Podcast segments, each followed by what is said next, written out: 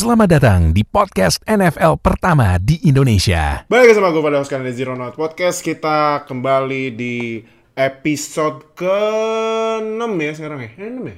6. Iya 6 Berarti tuh kan ini episode udah ke-6 nih preseason Berarti ini kan divisi di NFL ada 8 Nah dua episode lagi habis itu season mulai Kan? Oh, Nggak mulai. berasa kan? Kemarin aja udah preseason ya, udah satu Ah, kemarin aja udah preseason tuh. Jadi eh, kalau udah preseason ya musim NFL bentar lagi mulai nanti pas awal September. Jadi eh, jangan lupa kita udah selalu bilang eh, langsung klik join di tombol samping subscribe kita. Nah, itu biar kalian nggak ketinggalan sama berita NFL di Indonesia karena kalau kalian jadi mega fans ya langsung dapet inilah, dapet eh, privilege-nya dap- uh, bisa nonton review weekly review kan eh, kalau udah tahu kan pasti kan kita kalau setiap musim ada weekly review nah dapat aksesnya dua hari lebih cepat daripada kita upload biasanya nah jadi daripada lu ketinggalan nih berita NFL ah kalau lu kalau udah berita, ketinggalan berita NFL satu doang dah ketinggal ketinggalan jauh deh nah jadi Wah, parah, parah. Ya, ketinggalan ketinggalan jauh banget. Jadi langsung aja klik join cuman 10.000 per bulan bayarnya gampang. Udah banyak caranya buat uh, bayar online. Jadi langsung aja klik join uh, di samping tombol subscribe. Nah, biar dapat akses uh, dua hari lebih cepet. Nama kalian di sampingnya nanti ada logo NFL Fans Indonesia terus juga pakai emoji kocak NFL ya. Jadi langsung klik join. Nah, jadi uh, ini kita bakal bahas NFC South bareng Oka. Uh, jadi. Uh, langsung aja ya kita mulai. Tapi uh, sebelum mulai nih, uh, tadi kan si Oka udah sempet bilang ya, kemarin udah preseason nih. Nah, nih preseason udah selesai ya di week pertama. Tapi ini kan uh, jadwal yang di ini ya, sorry ya, gue nggak jadwal semua nih yang di NFL Network. Uh, Sebenarnya jadwalnya lebih banyak. Nah, uh, kak, uh, tim lu nih, kita kita bahas tim jagoan kita sendiri ya. Ya. Karena uh, kalau yang Terlalu lebih banyak kalau dibahas kalau misalkan bahas tuh satu. Mm. Nah, kalau bahas nanti, kalau bahas yang per match nanti pas weekly review pastinya ya kan. Nah, eh Kak, dari tim lu Texans gimana? Kalau lu lihat dari week 1 preseason. Kemarin Texans melawan New Orleans Saints di week 1 dari preseason dan kemarin menang. 16-13 atau 19-16 gitu. Mhm. Dan kemarin tuh eh, ya kayak touchdown di fourth quarter gitu loh, kayak ada winning game winning touchdownnya. Mhm.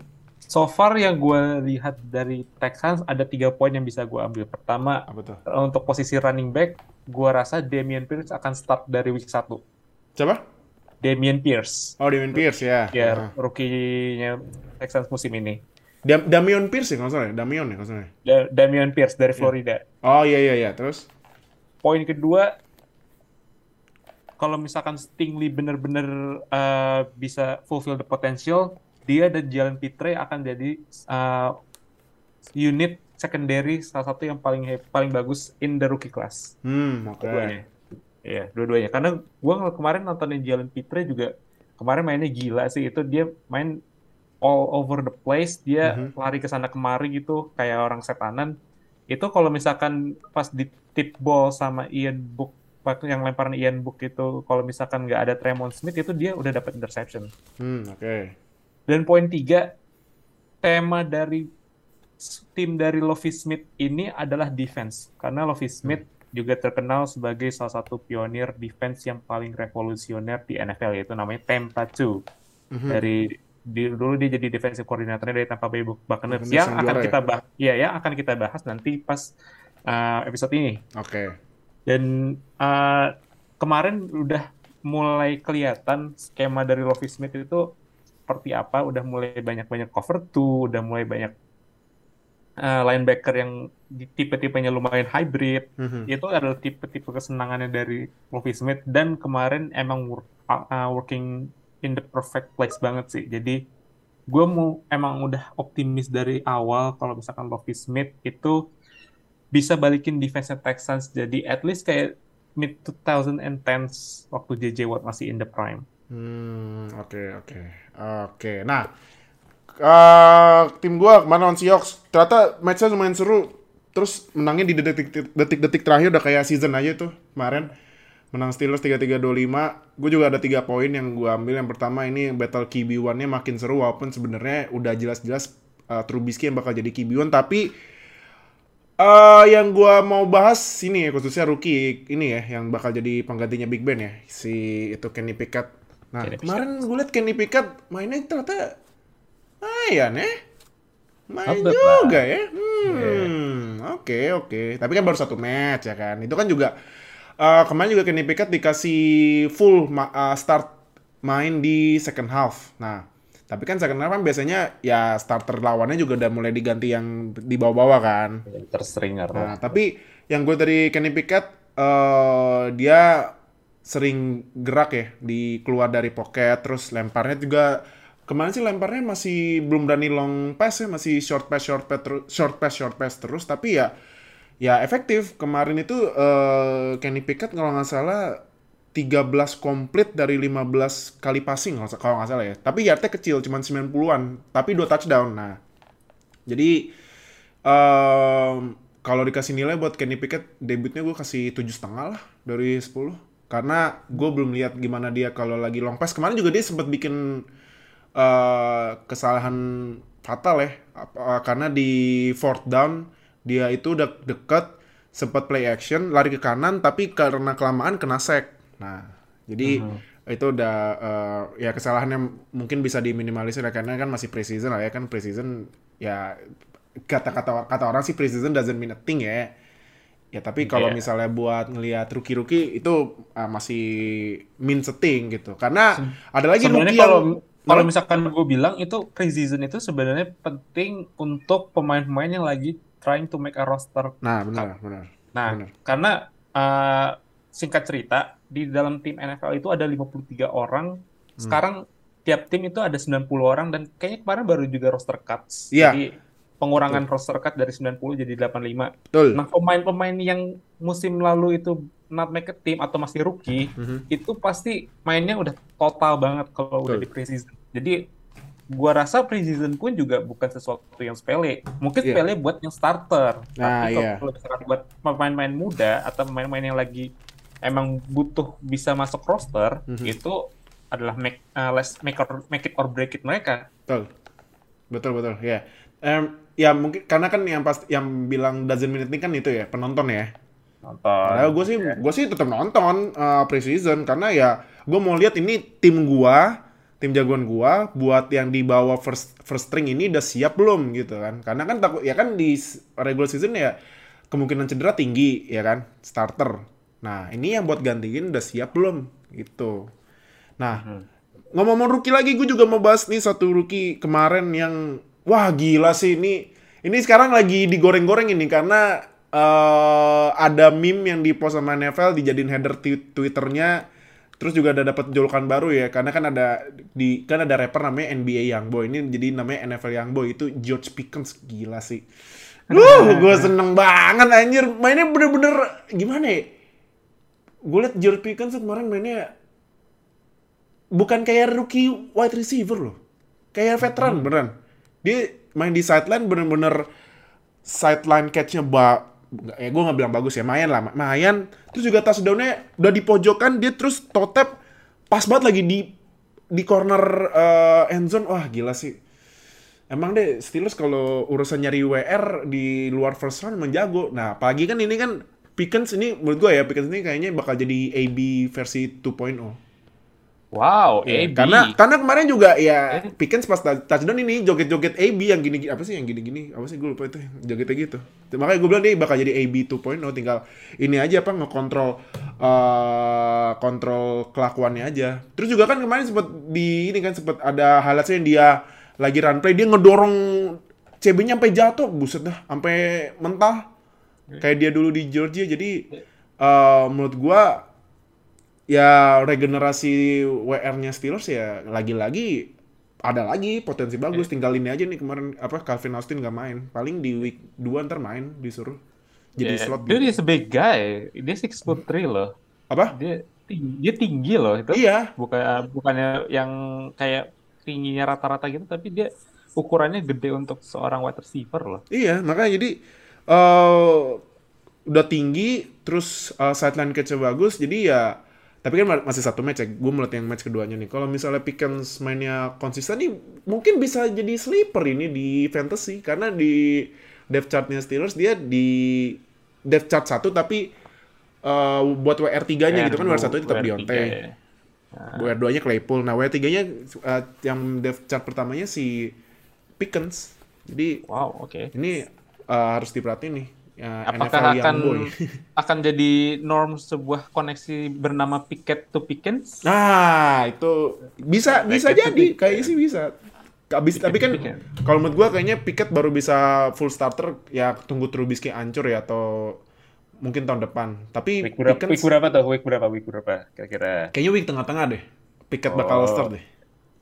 Kayaknya ya. Nah, tap- eh, tapi kalau misalnya Pickett udah full starter, wah ini bisa bahaya ini. Duo Pickett, Pickens, pick, pick, pick. Ya, asal jangan kena pick six aja tuh kena pick sama lawan. Itu Pickett, pick. Iya, sama terakhir eh kalau defense sih ya defense defense gua nggak ada komentar ya karena emang ya depth chartnya udah segitu lah ya. Paling yang satu ada ini dari offense lagi ada RB-nya yang mungkin bisa jadi backup atau eh, ini ya eh, buat ngisi kalau misalnya Na- Najee Harris capek itu si namanya Jalen Warren nomor 30 ngambil nomor James Conner sempet ada hype-nya di training campnya Steelers. Nah kemarin mainnya juga lumayan jadi ya gue mau lihat lagi tuh Jalen Warren ntar di week 2 sih. Gimana? Dia eh, bisa nggak nge carry dapat carry lumayan banyak terus juga mainnya efektif gitu. Karena kemarin juga Jalen Warren bikin touchdown nangkap dari lemparannya Kenny Pickett sih gitu. Makanya itu kalau tim gua. Nah buat kalian gimana eh, reaksi tim jagoan kalian habis nonton week 1 preseason? Langsung tulis aja di komen ya atau eh, bahas di Telegram. Jangan lupa uh, semua sosial media kita udah kita tulis di deskripsi video ini. Langsung join aja nggak usah malu-malu karena NFL season 2022 udah mau mulai. Langsung aja join nggak usah malu-malu ya. Ngapain sekarang malu-malu? Sekarang udah zamannya malu-maluin gitu kan. Jadi udah langsung aja join Telegram ya. Oke. Jadi langsung aja kita masuk ke NFC South. Nah, ini si kambing ini yang tidak pernah Kapan sih lu pensiun? Ah, udah nape? Aduh. Nah, tapi ini ya, ada berita buruknya buat Brady nih. Nah, Wah, apa tuh? tiga starter inside online oh, OL-nya. Inside OL tuh berarti guard sama center ya. Kan tiga, berarti kan left guard, center sama right guard. Left guard-nya pensiun, Ali Marpet. Yes. Centernya Ryan Johnson cedera parah, Eh, ya kan? Right guard-nya pergi. Gue lupa pergi ke tim mana gitu. Nah, itu dia kalau nggak salah isi Alex Kappa pindah ke Dolphins. Nah, iya, Alex Kappa ya. Nah, menurut lu eh, ini kan kalau menurut gue ya, menurut gue ini defense bakalan eh, nyerang bagian dalamnya OL. Menurut lu ini Brady musim ini bakalan jeblok apa enggak? Karena tiga OL andalannya bagian in, apa inside udah pada pergi sama yang cedera gitu. Untuk. Ryan, untuk Ryan Jensen, gue belum baca seberapa parah cederanya ya, but Hmm. he will be sidelined at least like a couple of weeks katanya. Mhm. Cuman kalau diagnosanya udah keluar ya, ya berharap aja tidak terlalu lama. Eh, buat but the depth chart pasti akan hurt a lot ya dengan uh, berbagai macam departure dari offensive inside offensive line-nya dari Buccaneers, Mhm. terutama untuk Brady juga. Brady sangat butuh good to great offensive line. Hmm. Ya seperti yang kita tahu lah di uh, Patriots dia kan juga punya at least uh, top 15 Hmm. uh, it's un- offensive line unit. Untuk tackle gue nggak akan menyaksikan Buccaneers karena Tristan Wirth dan juga Ya. Donovan Smith itu udah uh, guaranteed starter, but Ya. the inside uh, mungkin akan jadi isu ya untuk beberapa week awal selama Ryan Jensen nggak belum balik. Tapi mereka juga dapat check Mason dari Patriots. Ya Patriots ya. Uh, kalau nggak salah itu dirilis atau di trade ya, oh trade sorry Red. di trade. Jadi uh, won't be too much of a bad thing lah ya. Jadi nggak akan sampai separah itu efeknya karena udah ada penambahnya juga Shaq Mason is a good offensive line dan Ryan Jensen hopefully will be back in couple of weeks. Mhm. Um, but I don't know. Uh, gue ngerasa kayak drive-nya mereka kemarin juga agak termasuk of, uh, underwhelming. Mhm.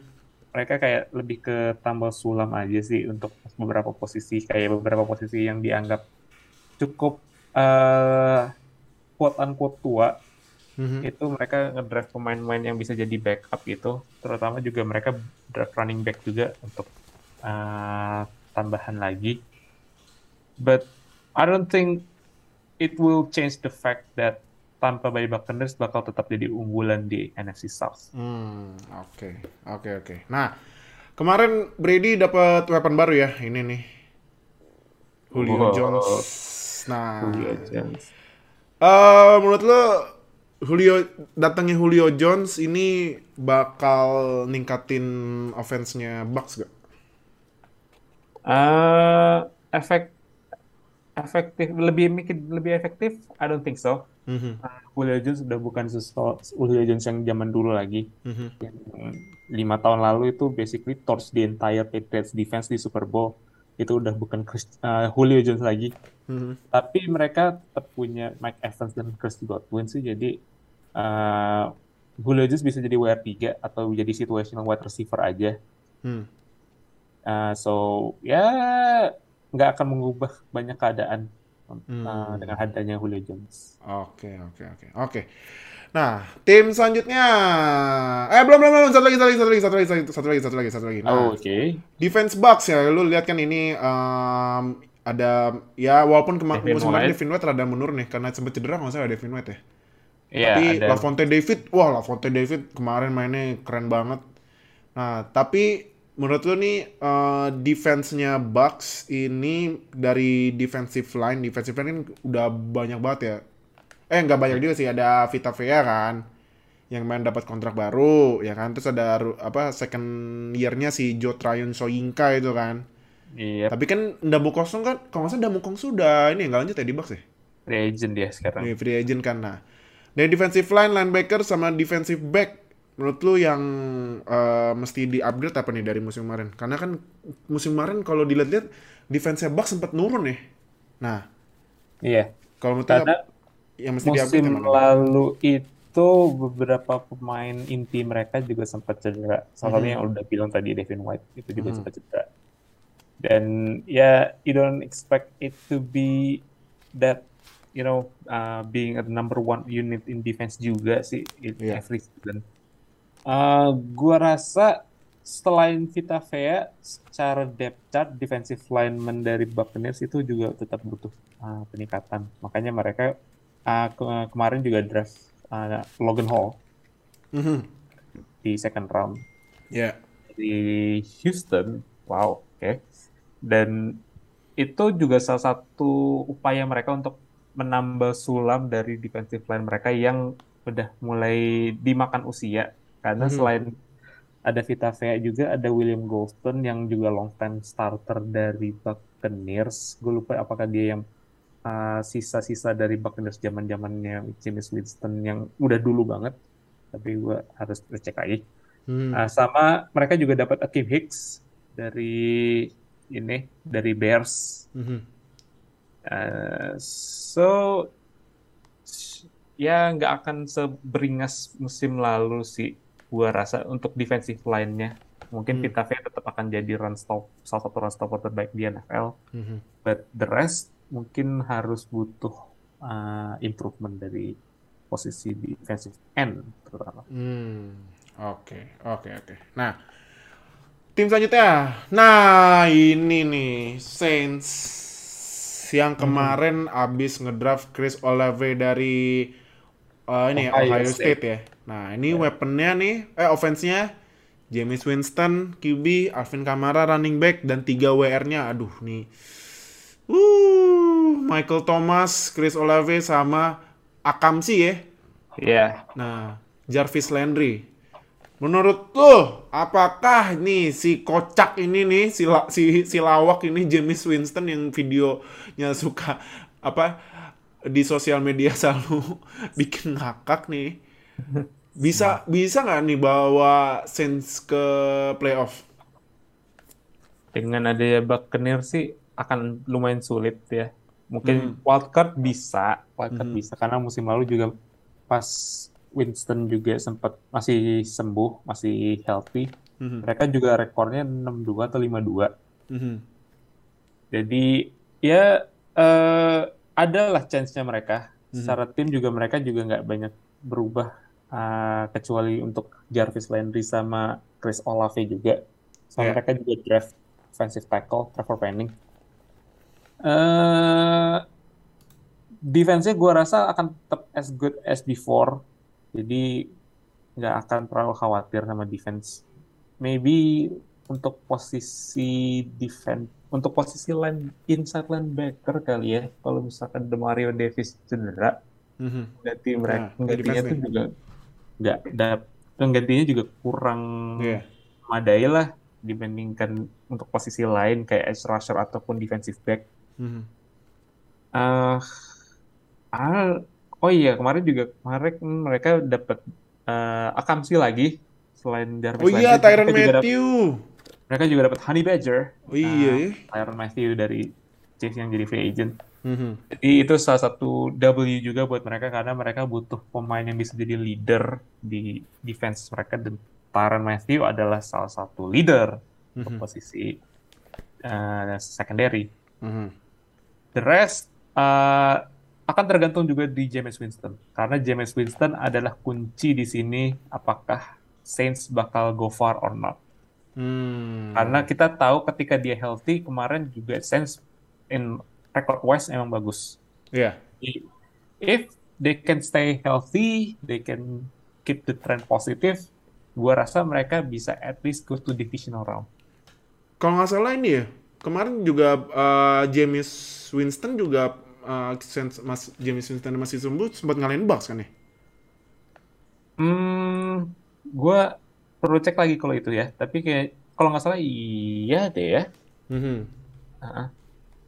Nah, jadi eh mungkin mungkin kalau misalnya Bucks bisa eh kalau misalnya Saints bisa ngalahin Bucks dua kali semusim lagi sih potensi masuk playoff-nya lumayan gede ya, tapi kan ya pas masuk playoff udah beda lagi ya. Iya. Ya, sebenarnya kan juga kunci Saints saat ini selain Winston juga ada di defense. Apakah Hmm. defense-nya bisa keep up the trend atau justru malah musim ini jatuh lagi gitu. Kuncinya ada di situ. Hmm, Oke, oke. Nah, eh next team. Nah, ini nih. Kemarin kan Falcons di first round draft ini ya, Drake London dari USC ya. Terus sekarang eh berdua nih apa senjata mudanya Falcons nih sama Kyle Pitts. Nah, tapi QB-nya nih gimana ya abis ditinggalin Matt Ryan ya kan? Nah, sekarang QB-nya ada nih berdua nih. Marcus Mariota sama Desmond Reader. Menurut lu starternya siapa? ya walaupun sebenarnya ketahuan tapi menurut lu starternya siapa?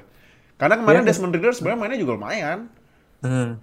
Tapi Sesuai- ya, gimana sesuai- nih? Eh, Kalau menurut lu sesuai- gimana nih kondisi QB-nya Falcons sekarang nih? Apakah eh, bakalan udah fix satu nih sepanjang musim atau tiba-tiba ntar tengah musim bakalan ganti gitu? Apa gimana?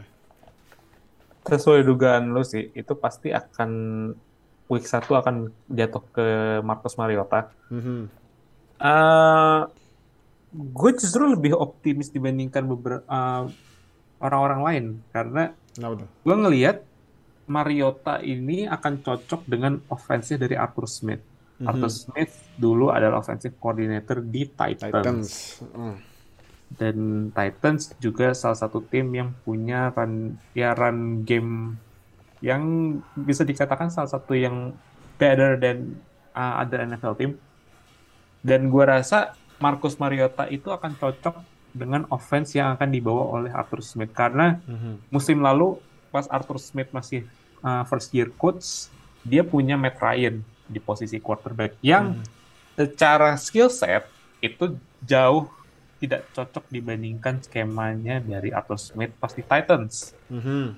Di Titans, uh, Arthur Smith punya selain ya Ryan Tannehill juga kan, terus habis itu juga punya Marcus Mariota yang notabene dua-duanya adalah QB yang bisa dibilang cukup mobile.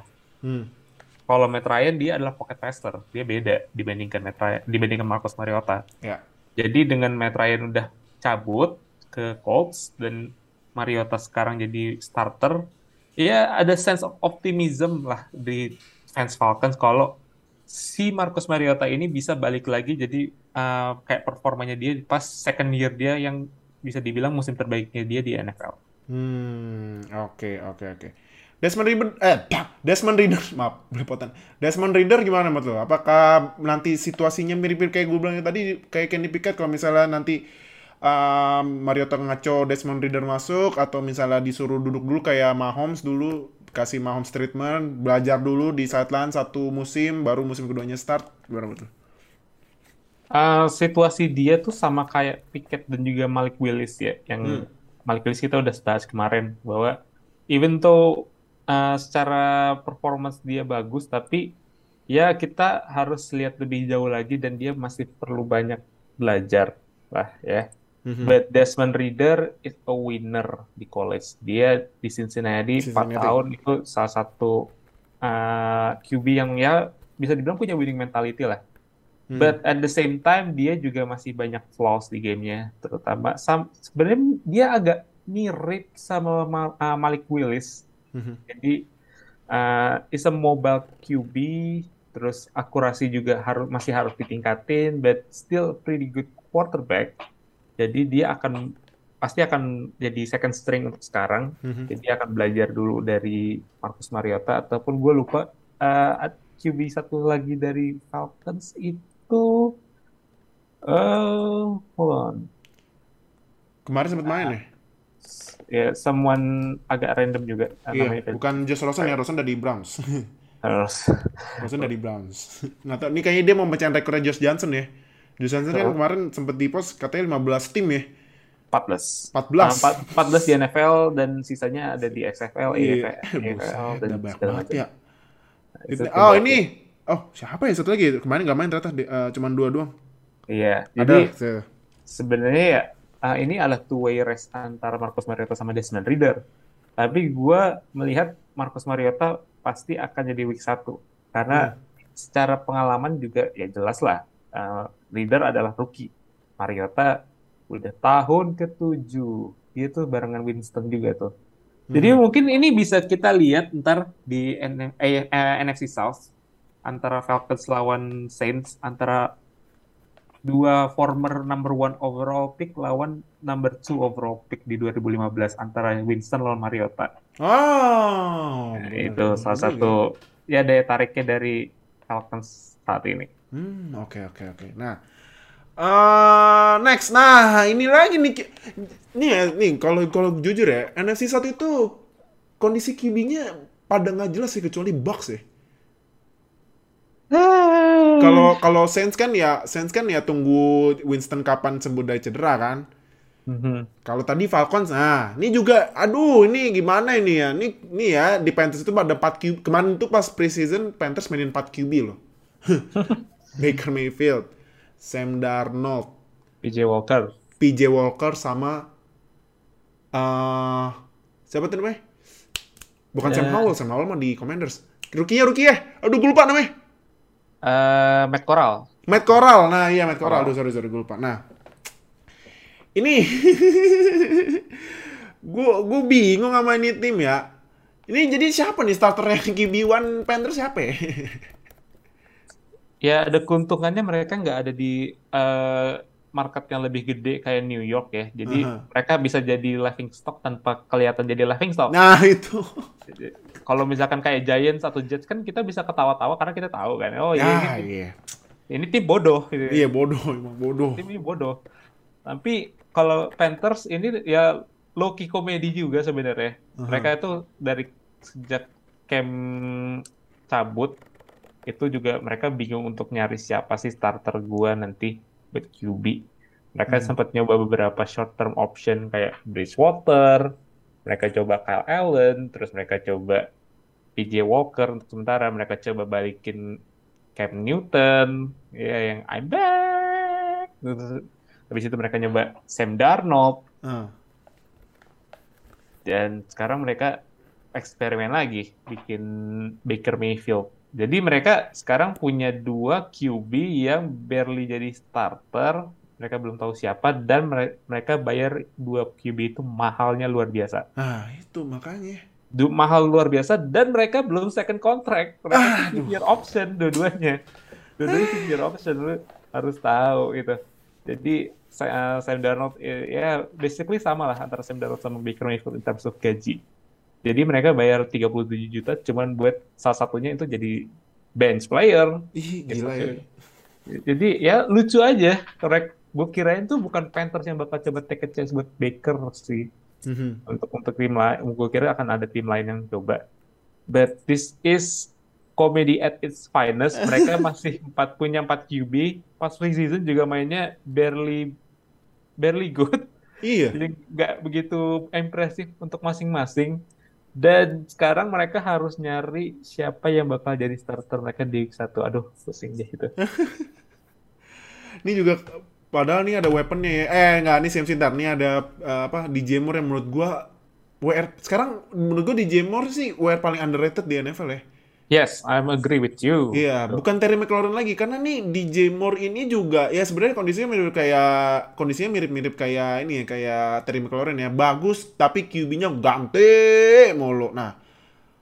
Nah, eh, tapi kalau weapon gue nggak mau bahas DJ Moore karena DJ Moore ya kalau lu beneran nonton lu pasti tahu DJ Moore bagus karena DJ Moore sejak musim keduanya sampai sekar sampai kemarin itu 1K yards receiving 1K receiving yards streak. Nah, gue mau bahas yang ini nih. Ini nih. yang cuman main 10 pertandingan dalam tiga musim terakhir kalau nggak salah ya. ya ya, ya 2022 dua musim Iya, dalam dua 2019 dia musim terakhir ya.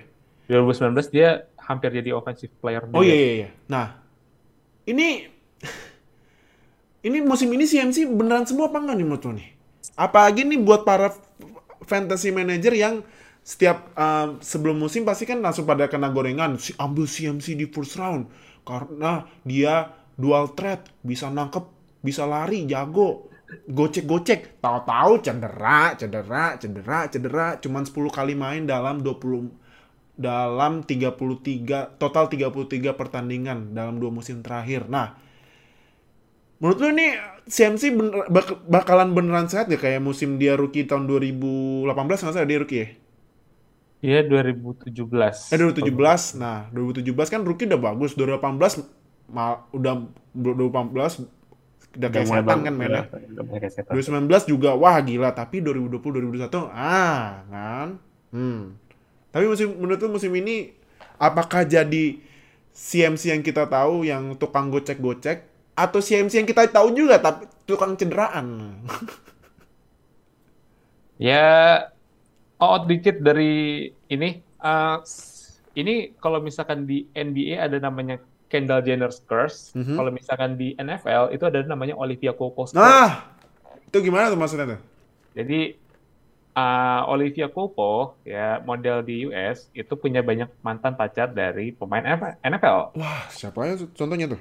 Contohnya selain ada uh, CMC, dia juga pernah sama Danny Amendola, Oh. itu pernah sempat katanya sama Tim Tebow, tapi ya itu juga eh, nggak tahu gimana. Hah. Tapi setelah um, mereka pacaran lah ya, itu performanya agak menurun atau sering cederaan. Ah, Jadi makanya itu yang bikin orang percaya ada namanya Olivia Copo's Curse. ah, tuh. Nah, balik lagi ke CMC. Aha. CMC saat ini is too injury prone buat bisa kita percaya jadi RB1. Terutama untuk tim fantasi. Gue masih nggak percaya pas musim lalu ada pas week 1 ada yang masih percaya CMC is worth number one overall pick untuk fantasi. Gua nggak percaya dah. gue gue gue sebagai salah satu peserta di eh, fantasy league-nya itu juga gue cuma tepuk tangan sih wah gila lo berani gitu lo mau nyobain draft first overall pick buat CMC yang musim lalu juga cedera parah 2020 dan 2021 juga makin-makin dan ah, ah, mungkin saat ini Panthers akan lebih banyak kasih kepercayaan buat Chuba Hubbard yang Oh ya, backupnya ya. yang jadi backupnya CMC Mhm. dan uh, in a smaller sample size musim lalu juga Chaba Hubbard juga salah satu RB yang solid as a rookie. musim ini ya eh, mereka expect Chuba Hubbard untuk carry more load lah. Kalau misalkan CMC bakal sering-sering cedera lagi. Hmm. Jadi mereka akan cukup percaya terhadap Chuba Hubbard dan buat para fantasy manager itu juga salah satu bet yang cukup uh, menarik untuk diambil. Hmm, Seorang. Chuba Hubbard. Ya, Oke. walaupun dengan musim ini mereka baru aja draft Ikem Ekwono dari uh, NC State ya, NC State ya. dari NC State. Jadi mereka sekarang udah punya upgrade di of- posisi offensive line dan Ikem Ekwono bisa main di beberapa posisi. Mhm. It takes more than one offensive line lah untuk bisa bikin sebuah offense yang bagus. Apalagi dengan QB-nya yang seperti itu. Yang gak jelas nih siapa sih kibiwannya ah. nah, oke, terakhir prediksi lu NFC South. Apakah kembali two way race antara Buccaneers lawan Saints atau ternyata tiba-tiba Falcons sama Panthers nyem, apa gangguin gitu atau ternyata ya ya Bucks lagi lah yang udah unggul jauh gitu buat 2022. lebih mungkin ada two way race untuk wildcard antara Saints lawan Falcons di- atau Panthers dibandingkan Saints bisa mengalahin Buccaneers untuk division title. Hmm. Jadi gue still lock in dengan Buccaneers sebagai division winner. Mhm. But the second position untuk posisi wildcard mungkin tergantung dari tim-tim lain juga di divisi lain apakah mereka rekornya uh, bisa jelek juga atau enggak. Hmm. But uh, kalau misalkan bisa milih salah satu dari NFC South buat nemenin Buccaneers di playoff, gua akan pilih safer bet yaitu di New Orleans Saints. New Orleans Saints ya. Ah, Dengan oke. catatan semua healthy. Ya, Mhm. dengan catatan semua healthy. Oke oke. Nah itu jadi podcast kita bahas NFC South. Kalau kalian gimana prediksinya buat NFC South? Siapa yang bakal juara NFC South dan siapa yang bakalan masuk playoff juga yang nemenin Buccaneers? Apa? Kok Buccaneers? Eh langsung Buccaneers aja. Maksudnya yang juara NFC South. Apakah yang apakah yang juara NFC South sendirian doang yang masuk playoff? Langsung tulis aja di komen ya. Terus juga yang tadi gue bilang di awal musim NFL mau mulai daripada lu nonton sendirian tadi nonton sendirian bilangnya emang ada yang nonton NFL di Indonesia ada bang. Waduh. ada ada. Ketinggalan dari cuman kapan itu? nggak cuman nggak cuman yang nonton bola basket badminton doang yang rame. NFL juga rame sebenarnya. Cuman ya karena nggak ada temennya dikiranya nggak ada yang nonton. Sebenarnya banyak. Makanya langsung join telegram kita. Kita udah tulis semua link sosial media kita di deskripsi video ini. Langsung aja join semuanya. Nggak usah malu-malu karena sekarang zamannya malu-maluin daripada malu-malu. Kalau malu-malu nggak punya temen ntar ya Ah, takutnya takutnya ya kan takutnya jadi Thank you, Oka udah join. Thank you semuanya yang udah nonton dan dengerin di Spotify. Sampai ketemu musim... Eh, musim... Bro, sampai ketemu minggu depan di episode ke-7. Habis itu episode ke-8. Habis itu minggu depan weekly review. Review. Regular season pertama sampai nanti Super Bowl bulan Februari. Jadi yaudah. Sama terakhir, jangan lupa klik tombol join biar dapat uh, akses lebih cepat supaya nggak ketinggalan berita NFL Indonesia. Jadi, thank you udah nonton dan dengerin. Sampai ketemu di episode minggu depannya. Dadah semuanya. Bye bye. Terima kasih telah mendengarkan podcast NFL pertama di Indonesia. Sampai jumpa di podcast edisi selanjutnya.